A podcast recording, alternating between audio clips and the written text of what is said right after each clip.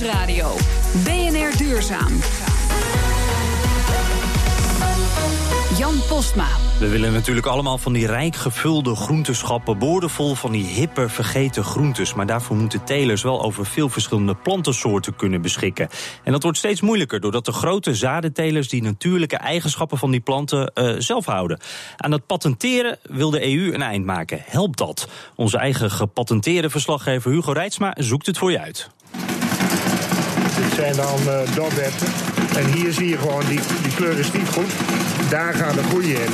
En die zaadjes vallen naar beneden. En met perslucht worden de, de, de zaadjes met de afwijkende kleur worden eruit geschoten. Bart Vosselman van de Bolster in Epen voor al uw biologische zaden. We hebben totaal 350 tot 400 verschillende uh, rassen. En dat zijn dan misschien wel 80 of 100 verschillende groentegewassen. Maar ook heel veel bloemen waar we zaden en dan puur op een biologische wijze vermeerderen. En daarnaast maken we ook nog nieuwe rassen. Maar dat doen we dus bij tomaat, bij uh, pompoenen en bij courgettes. En in samenwerking doen we dat ook nog eens bij paprika's. Dus dit is eigenlijk wat ook de, de Monsanto's en Syngenta's van deze wereld uh, ja. doen, maar dan zonder patent. Ja, precies. En dat doet Monsanto wel. En dat belemmert u ook in uw werk? Ja, zeker. We hebben een aantal, en het hoeft niet per se aan Monsanto uh, gebonden te zijn, maar bij een aantal patenten hebben we dus rechtstreeks mee te maken. En uh, dat kan betekenen dat wij dus ook uiteindelijk uh, van een uh, octrooiinbreuk, dat we daarvan beschuldigd zouden worden. Nou heeft uh, de Europese Unie dit soort patenten op, op groente en fruit verboden. Maaike Rijmakers van uh, Bionex, organisatie voor de biologische sector. Dus die zal tevreden zijn. Nou, nog niet helemaal. We zijn wel heel blij met de recente uitspraak van de Europese Commissie en Europese lidstaten. Maar uiteindelijk gaan zij daar niet alleen over. Uh, ze hebben een intentie uitgesproken om, om dit soort patenten, zoals op, de, op natuurlijke eigenschappen van klassiek veredelde gewassen, zoals de Bolster dat doet, om die uh, niet meer mogelijk te maken. Maar om dit ook echt wet te laten worden, moet het Europese octrooibureau zich er nog over uitspreken. En daar hebben we toch iets minder vertrouwen in dat dat uh, helemaal goed komt. Vooral ook omdat we uit het verleden weten dat juristen heel erg slim zijn. En, de gaten, de gaten, de gaten in de, wet weten, weten ja. te vinden. Dus we, de uitdaging is nu om de intentie van de Europese Commissie en van de Europese lidstaten om die om te zetten in een heel duidelijke bepaling waar ook geen twijfel over kan bestaan dat dit soort patenten niet meer mogelijk zijn. Want wat is het probleem voor die gewassen of voor de voedselvoorziening als die organisaties door kunnen blijven gaan met uh, patenteren? Nou, het probleem is dat patenten op voedsel dat die, de innovatie blokkeren. Want we hebben heel veel nieuwe rassen nodig. Denk aan een probleem als klimaatverandering. Dat, dat stelt boeren voor nieuwe uitdagingen.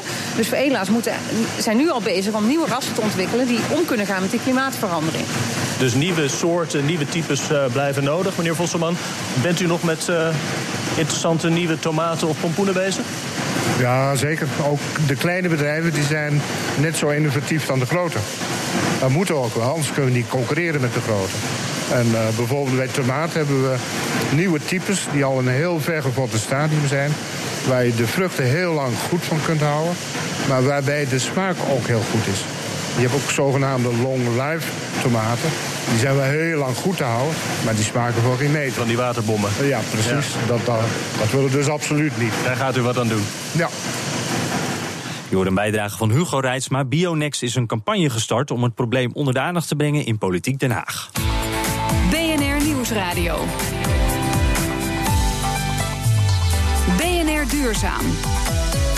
Het is weer lente en ja, je merkt het al, hè, die zon die gaat veel meer schijnen en dat is goed voor de zonnepaneeltjes. Maar wel zonder dat je dan al die teveel opgewekte stroom weer moet terugleveren aan het net. Is dan nu eindelijk het moment gekomen om te investeren in een thuisbatterij? En zo ja, welke moet je dan kopen? Huub Keizers is hier, hij is, uh, dan moet ik het even goed zeggen, programmamanager ingebouwde omgeving uh, energie energie ingebouwde omgeving met TNO. Dat was hem, hè? Dat klopt. Hele mond vol, ja. Goed dat je, dat je er bent. Stel nou dat ik inderdaad zo'n accu wil kopen. Hè? Welke mogelijkheden heb ik dan nu al? Nou goed, er zijn een aantal verschillende leveranciers van accu, accu's. Uh, de Tesla Powerwall, een hele bekende. De Solar Watt is er eentje. En er zijn nog wel meerdere leveranciers van dit soort systemen. Mm -hmm. uh, ja, allemaal met de eigen voor- en nadelen. Dus ik kan niet specifiek zeggen van koop die of koop die. Maar zit er ook een, een bepaalde ontwikkeling in? Is, is er bijvoorbeeld een de allernieuwste die het allerverste is? Of uh, is het allemaal een beetje hetzelfde? Nou, je ziet met name Tesla en de, de SolarBot uh, twee uh, ja, eigenlijk nieuw op de markt voorkomende types. En ja, qua performance zijn ze natuurlijk ja, eigenlijk vergelijkbaar. Mm -hmm. Hoeveelheid kilowatturen, dus de hoeveelheid opslag uh, die je erin kwijt kunt. Ook uh, ongeveer vergelijkbare prijs-kwaliteitsverhoudingen. Mm -hmm. En zijn dat nou de, de, een beetje de traditionele batterijen... Die, die, die je ook in je iPhone of in je andere smartphone hebt, dat soort dingen? Ja, in principe is het een soortgelijke uh, technologie. Het zijn lithium-ion gebaseerde batterijen. Te vergelijkbaar met de auto-accu. Die een loodaccu-batterij is natuurlijk een heel ander type. Maar uh, de stoffen die zorgen dat uh, de energie erin opgeslagen kan worden... en er weer uitgehaald kan worden naar behoefte. Mm. En daar zitten bepaalde beperkingen aan natuurlijk. En ze zijn ook nog best wel relatief duur, toch, deze batterijen? Ja, ze zijn, zijn redelijk aan de prijs, als ik het zo mag zeggen. Uh, typisch uh, 1000 euro per kilowattuur die je kunt opslaan. En dan mm -hmm. voor het vergelijk in de gebouwde omgeving, typische woonomgeving... heb je ongeveer 3000 kilowattuur nodig per dag. Dus... Geeft een beetje een plaatje, een beetje ja, een beeld. Nog best wel een, een, drempel, dus best wel een investering nog, zo'n zo'n accu. Ja, het is, het is eigenlijk een investering die je op dit moment niet alleen moet doen uh, vanuit financieel oogpunt. Op dit moment uh, bestaat de saldering nog steeds, dat je terug kunt leveren aan het net en er ook weer vandaan kunt halen. -hmm. Het wordt een ander verhaal op het moment dat de energieprijzen losgelaten worden. Maar goed, dan wordt hij al snel een vrij technisch verhaal. -hmm. Maar ja, je moet het doen enerzijds voor een stukje onafhankelijkheid stukje financieel. En toch ook een stuk dat je een positieve inbreng wilt hebben op verduurzaming van die gebouwde omgeving. Ja, dus je moet ook wel een beetje ideële uh, redenen hebben om dit te doen eigenlijk. Er moet wel een beetje je gevoel voor de goede, voor de aarde in zitten, zeg maar. Ja, op dit moment heel, liefde. Op dit moment heel duidelijk nog wel. Het, ja, het is ja, niet alleen een financieel plaatje, maar het is ook wel een financieel plaatje. Het is een beetje van beide. Maar wat, wat zeg je nou eigenlijk? Heeft het dan nu al zin om te investeren in zo'n batterij? Uh, of is het, als je het puur financieel bekijkt, moeten we dan toch nog eventjes de hand op de knip houden en nog eventjes wachten op wat verdere ontwikkelingen? Ja, we wachten op ontwikkelingen. Dat wordt misschien nog wel een heel stuk langer wachten... voordat de ja? prijs echt significant omlaag gaat. Ze gaan wel gestaag omlaag. Waar, waar hangt dat vanaf eigenlijk trouwens? Deels is dat uh, de gebruikte materialen die er nu in zitten. Uh, Lithium-ion toch een relatief uh, ja, spaarzaam of zeldzaam materiaal. Mm -hmm. De kwaliteit van de batterijen zelf. En een van de toekomstige ontwikkelingen zit meer in andere materialen... die goedkoper zijn, makkelijker zijn...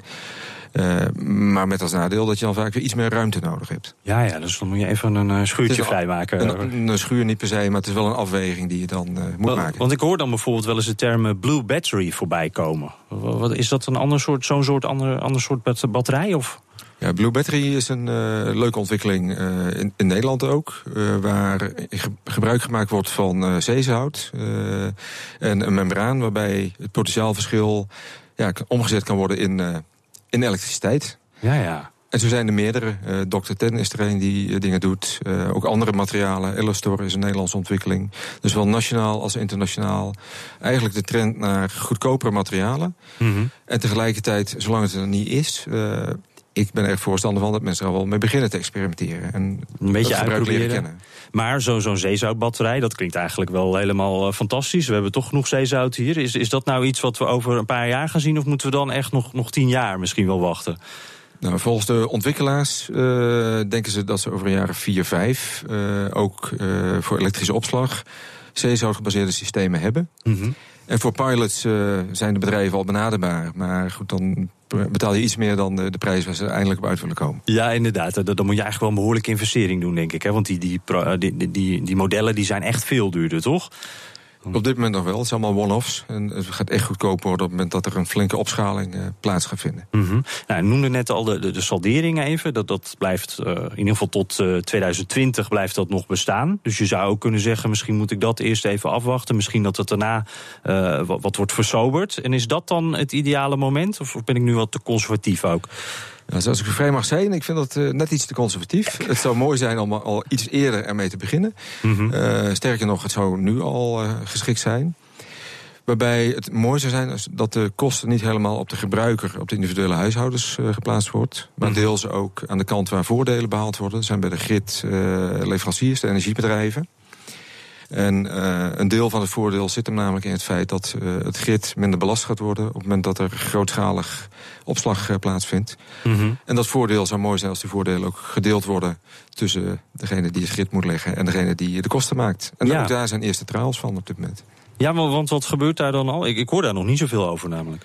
Er zijn eerste ontwikkelingen, zowel vanuit Alliander, Enexis, maar ook van Eneco die uh, experimenteel dingen doen, maar ook uh, financieringsmodellen voor batterijen hebben, waardoor een deel van de betaling overgenomen wordt door de, de gridkant, uh, dus door de energieleverancier. Mm -hmm. Dus een kleine subsidie van de leverancier, zou je dat Ja, en als tegendienst moet je dan wel een deel van je opslagcapaciteit weer teruggeven.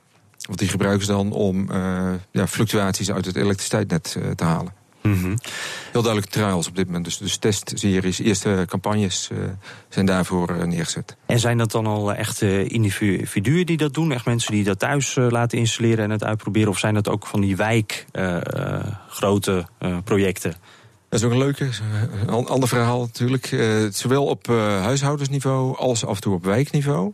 Waarbij als dat op wijkniveau plaatsvindt, uh, ja, je wat minder hussel, wat minder overlast thuis hebt. En Mhm. tegelijkertijd heb je dan niet de totale zelfsturing over die batterij. Nee, je moet het er wel met z'n allen een beetje gaan regelen dan, ja. Maar dat is op zich wel een manier om het dus wat, wat toegankelijker te maken, ook tegelijkertijd. Het Ook- risico een beetje delen. Ook dat is een manier om het eh, wat toegankelijker te maken. Eh, het is wel zo dat we het hier heel erg over dag-nacht opslag hebben. Mhm. Dus elektriciteit die je overdag kunt opwekken. Bijvoorbeeld met een zonnepaneel. Die dan s'avonds of de dag erna, als het wat eh, somberder is eh, qua weer, eh, gebruikt kan worden. Ja, ja. En, en als ik nou, ik snap dat er heel veel verschillende soorten accu's zijn hoor. Maar als we een beetje het instapmodelletje nemen, waar moet ik dan aan denken? Ja, het instapmodelletje, qua- prijs begrijp ik uit, uit de vraag... zo, toch zo'n orde 4, 4000 euro op dit moment. Ja, Voor ja. een nieuwe batterij.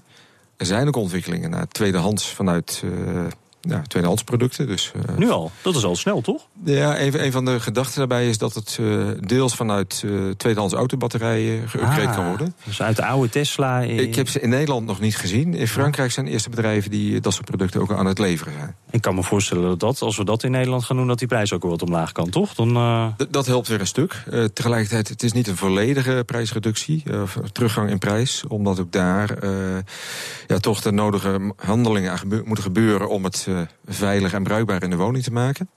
En uiteindelijk toch ook eh, tegen een iets slechtere performance, omdat ze al wel tweedehands zijn. Ja, want dat, dat tenslotte nog even. Hebben we al een beeld van hoe lang die eh, accu's meegaan? Dat is bij auto's nog wel eens een probleem.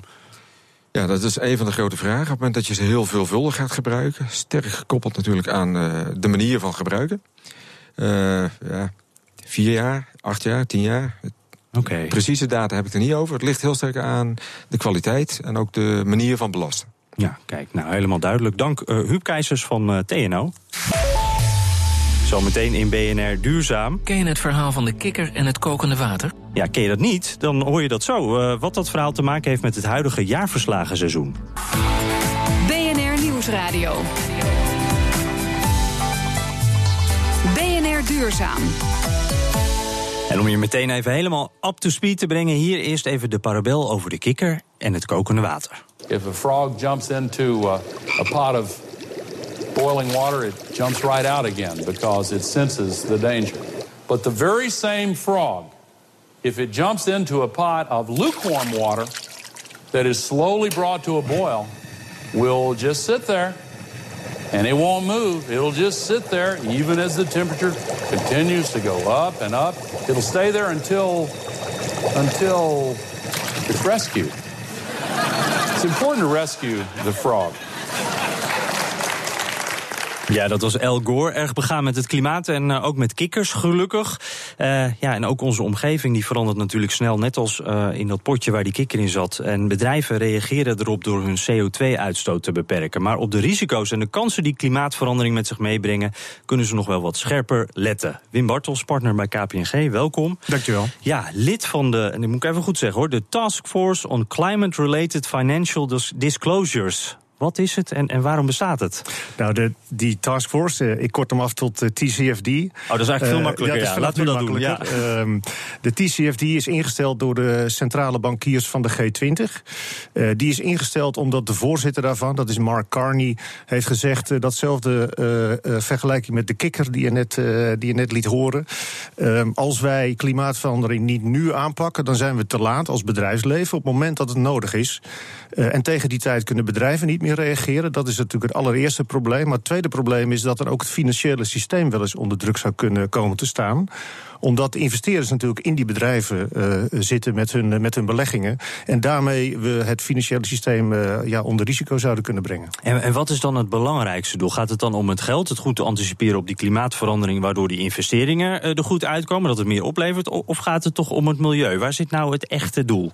Ja, dat is een, een hele interessante vraag. Want dit is voor mij de eerste keer dat we eigenlijk zien dat we naar klimaatverandering kijken puur vanuit het risico of de kans voor het bedrijf. Financieel gezien.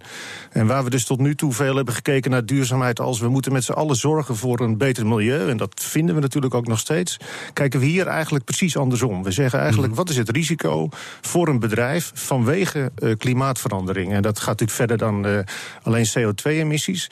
Uh, maar nadrukkelijk, wat zijn de mogelijke financiële gevolgen? Dat, dat dus werpt een heel ander licht. Toch het geld dan? Dit, dit gaat zeker om het geld, dit gaat zeker om de stabiliteit van het financiële -hmm. systeem uiteindelijk. Als we het op macroniveau uh, bekijken.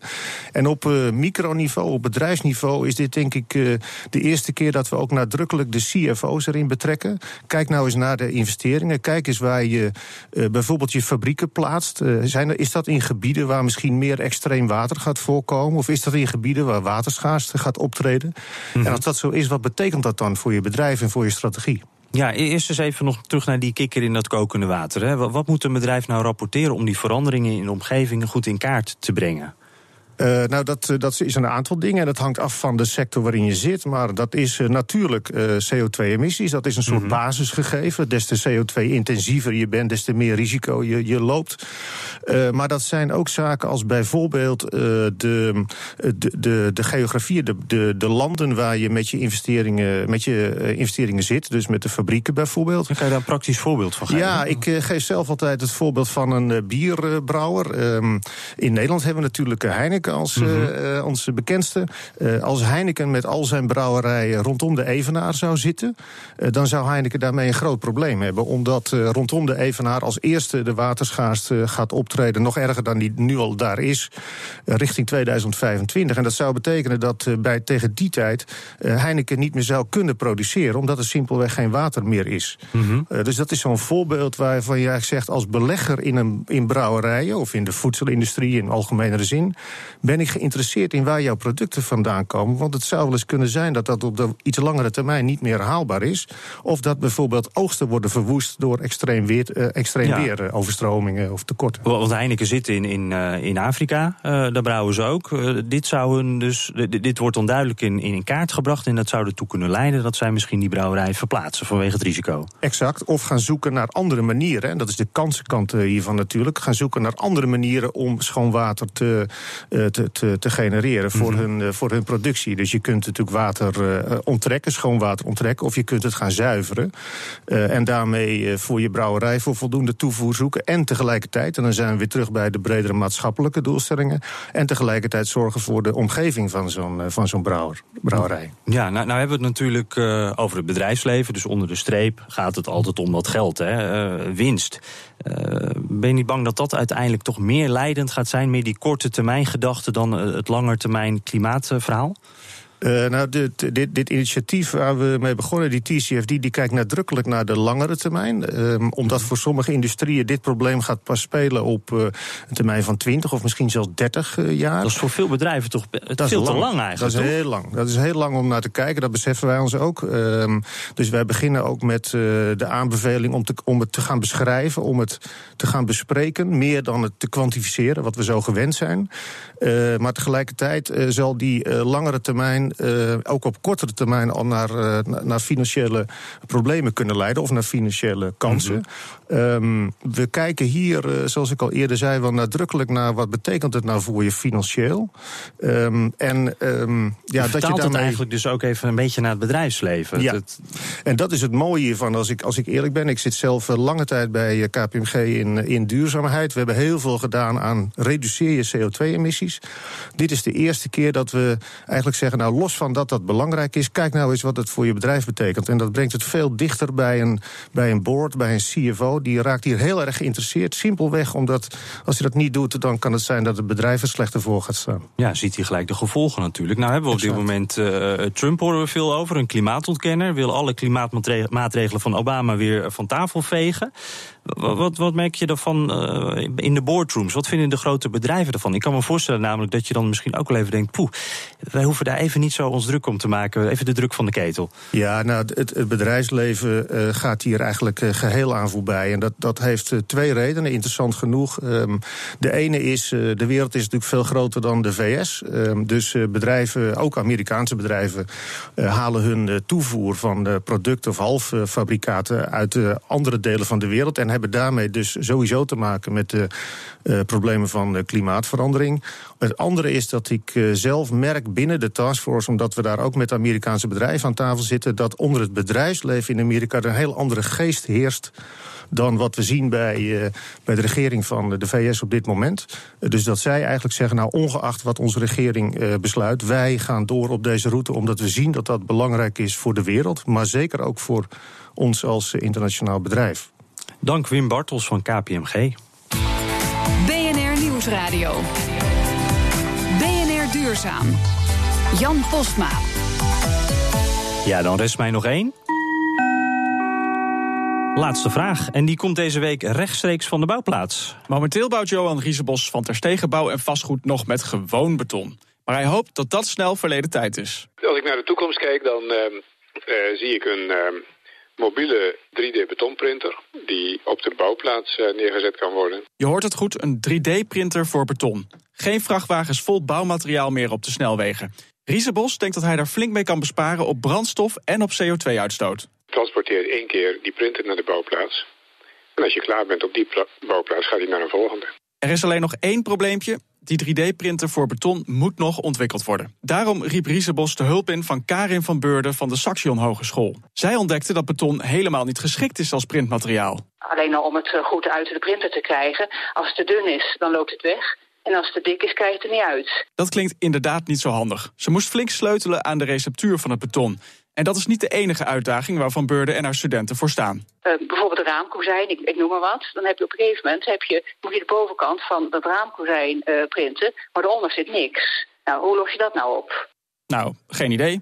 Wie het weet mag het zeggen. Maar hoewel niet alle vragen beantwoord zijn, ziet Van Beurden vooral kansen in geprint bouwmateriaal. Met een 3D-printer kun je beton maken dat zo sterk is als de snavel van een specht. Die punt van die specht die heeft een bepaalde uh, echt geoptimaliseerde vorm... waarbij die constante drukbelasting goed kan opvangen.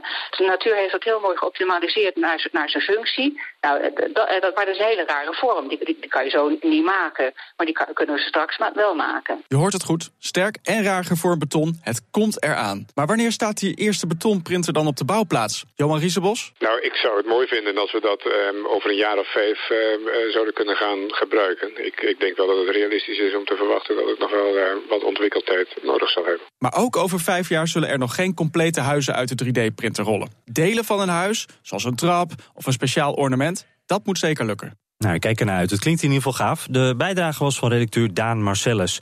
U kunt deze hele uitzending terugluisteren via bnr.nl, via de BNR-app of streamen via iTunes en Spotify. Zometeen is eh, Peter Grijs hier met BNR Spitsuur. En volgende week is Harmer weer fris en terug van vakantie. Zoals hij altijd zegt, hou hoop en doe het duurzaam. Tot volgende week.